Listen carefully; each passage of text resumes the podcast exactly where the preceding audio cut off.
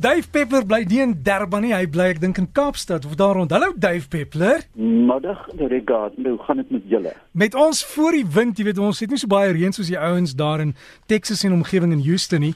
Uh maar dis verskriklik, hoe gaan dit met jou? Ek dit is met leedwese dat ek vir jou moet sê dit gaan ongelooflik goed met my. Um ek is op pad Borneo toe Sondag en volgende week praat ek met julle uit verre Borneo. Mag ek jaloers wees? Nee, wat jy kyk jy ek, weet nie wat jy weeg nie, maar 'n handbagasie, ek kan jou dalk inpak. Dave in Borneo, jy weet daar was uh, lank gelede was daar mensvreters, né? Soos 'n kannibale. Ja. Ja, ek daar, weet daar is nog een verstaan ek, um, maar dis se tande is glo maar baie sleg. Ehm um, nee, daar is baie lanklaas iemand geëet. Um, ons ja. reis natuurlik met die groep van Live the Journey. En van die eerste goed wat mense vra is, "O, wat van die mensvreters? Dan vra hulle oor malaria, dan vra hulle oor krokodille." Dit is een van die mees verstommende plekke op aarde met 'n reënwoud ouer as die van die Amazone. 150 miljoen jaar bestaan daai reënwoud teenoor die 120 van die Amazone. Uh dit is 'n plek waar jy eenvoudig nie kan slaap. Want ek sien uit na die foto's wat jy gaan terugbring, Dave. Ek ek kan nie wag nie, nuwe kamera, ou oog.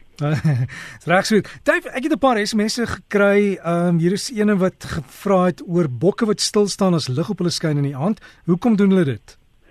Wel hulle is eenvoudig verblind. Uh jy kan dit baie maklik uh bewys deur indien 'n dier 'n bok redelik maklik is, jy kan dit veral met 'n haas doen. En jy kom met 'n sterk lig net van die een kant af. Kyk, die oë sit ons dis ons voor, nie maar aan beeskante as jy net in die een oog skyn van haar, is sy geneig om sy balans te verloor. Jy weet daai oog is verblind en dan raak al die brein heeltemal de mekaar. Um die meeste van hierdie diere wat 'n refleksie oog wys, nê.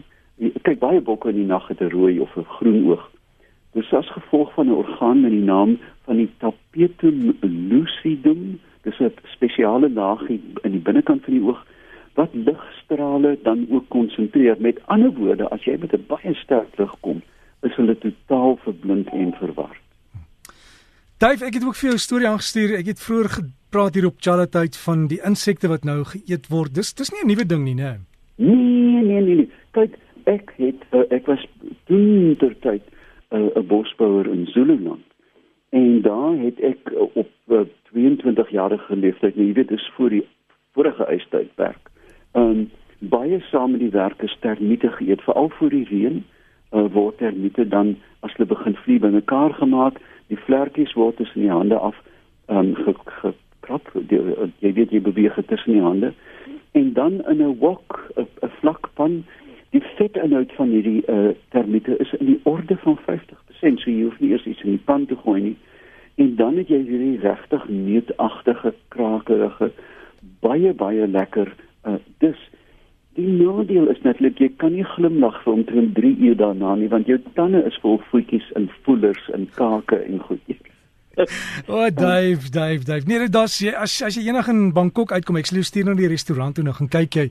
Hulle is sit dit vir ons baie mooi voor. Dit lyk fantasties, maar dis alles insekte. Nee, nee, nee. Ek is jammer. Kyk, ek het ek het al termiete geëet, ek het sprinkane geëet, mopani wurms vars en gedroog. Ehm um, en ek het een keer 'n suiwerm papie geëet, maar ek moet sê dit het saam met redelik baie alkohol gegaan. Wat ons wel moet dink en weet eh uh, daar is dat dit is die toekoms van proteïene. Um, ons moet dink dat van hierdie diere bevat 15 tot 45% proteïene soos ek gesê het, hoë vetinhoud, yster en sink baie minerale en veral aminosure. Ons moet eenvoudig die gewoonte aanleer. Kyk, as jy vir 'n uh, regte skaapboer van Kanawin 'n stuk blou kaas gee, jy weet uit Noorwe, dan gaan hy sê die ding is vrot, ek kan dit nie eet nie.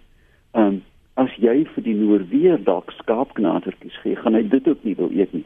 Dit is eenvoudig wat ons geleer het wat lekker is. En ons moet leer dat insekte heilsaam en baie voedsaam is.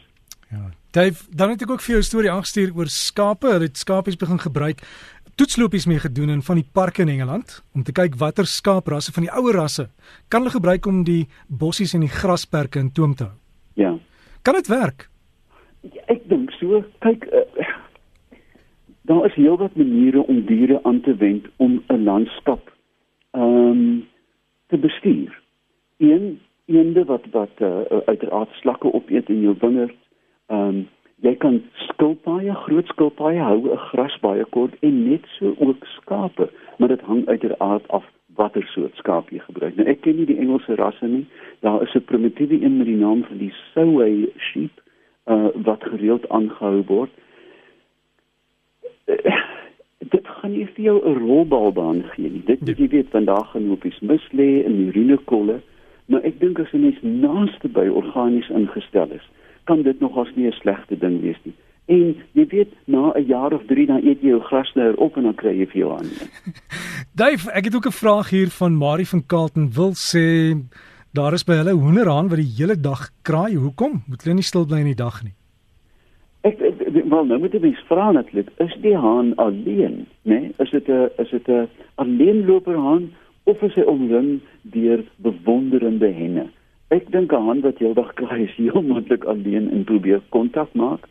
Ehm um, ek wonder hoe groot sy hok is, want ons moet onthou dat selfs hoenders wat 'n mens as 'n noesel beskou, redelik intelligente voëls is en uh ook uh, bewus is van hulle omgewing en van hulle territorium. Met ander woorde, sonder dat ek nou die arme voeltjie sien, kan ek nie eintlik ek vermoed een die haan is alleen en twee dalk is sy hok 'n bietjie klein.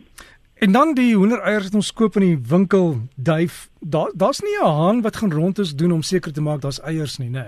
Nee, nee, nee. Nee, hierdie eiers is hoofsaaklik onbevrug. 'n Mens sal sien as jy organiese of sogenaamde free range eiers koop, baie keer as jy die eier dan breek, is daar 'n minuskiele bloedvlekkie aan die kiem, dit aan die dooier. En dit beteken dat hierdie eier bevrug is, maar die anties wat daar in die draadhokke sit, ken nie plesier nie. En dan Andrei vra, dink jy daar is vleiende pierings, duif UFO's? Nee, ek het en kyk eh, nie die in die vorm wat ons dit aangebied word nie. Ehm um, die hele UFO ding is onlangs kyk in die ou dae het gedink dat 'n meteoriet is dalk 'n UFO of 'n vleiende vleiende voorwerp. Maar by Roswell in Amerika was daar 'n toetsterrein van die Amerikaners, jy verstaan? En nou en dan het hulle vliegtye uh, uh, was onstabiel in dit geval en 'n hele kultus het ontwikkel om Roswell, want dit is waar die vallende voorwerpe gesien is. Nou, jy weet, 'n mens moet nooit die die gebrek van aan verbeelding van mense onderskat nie. Of dan soms moet jy dit ook nie oor mense gaan eenvoudig gek as 'n wolk lyk na 'n motor of 'n kalfoog of 'n vleiende voorwerp.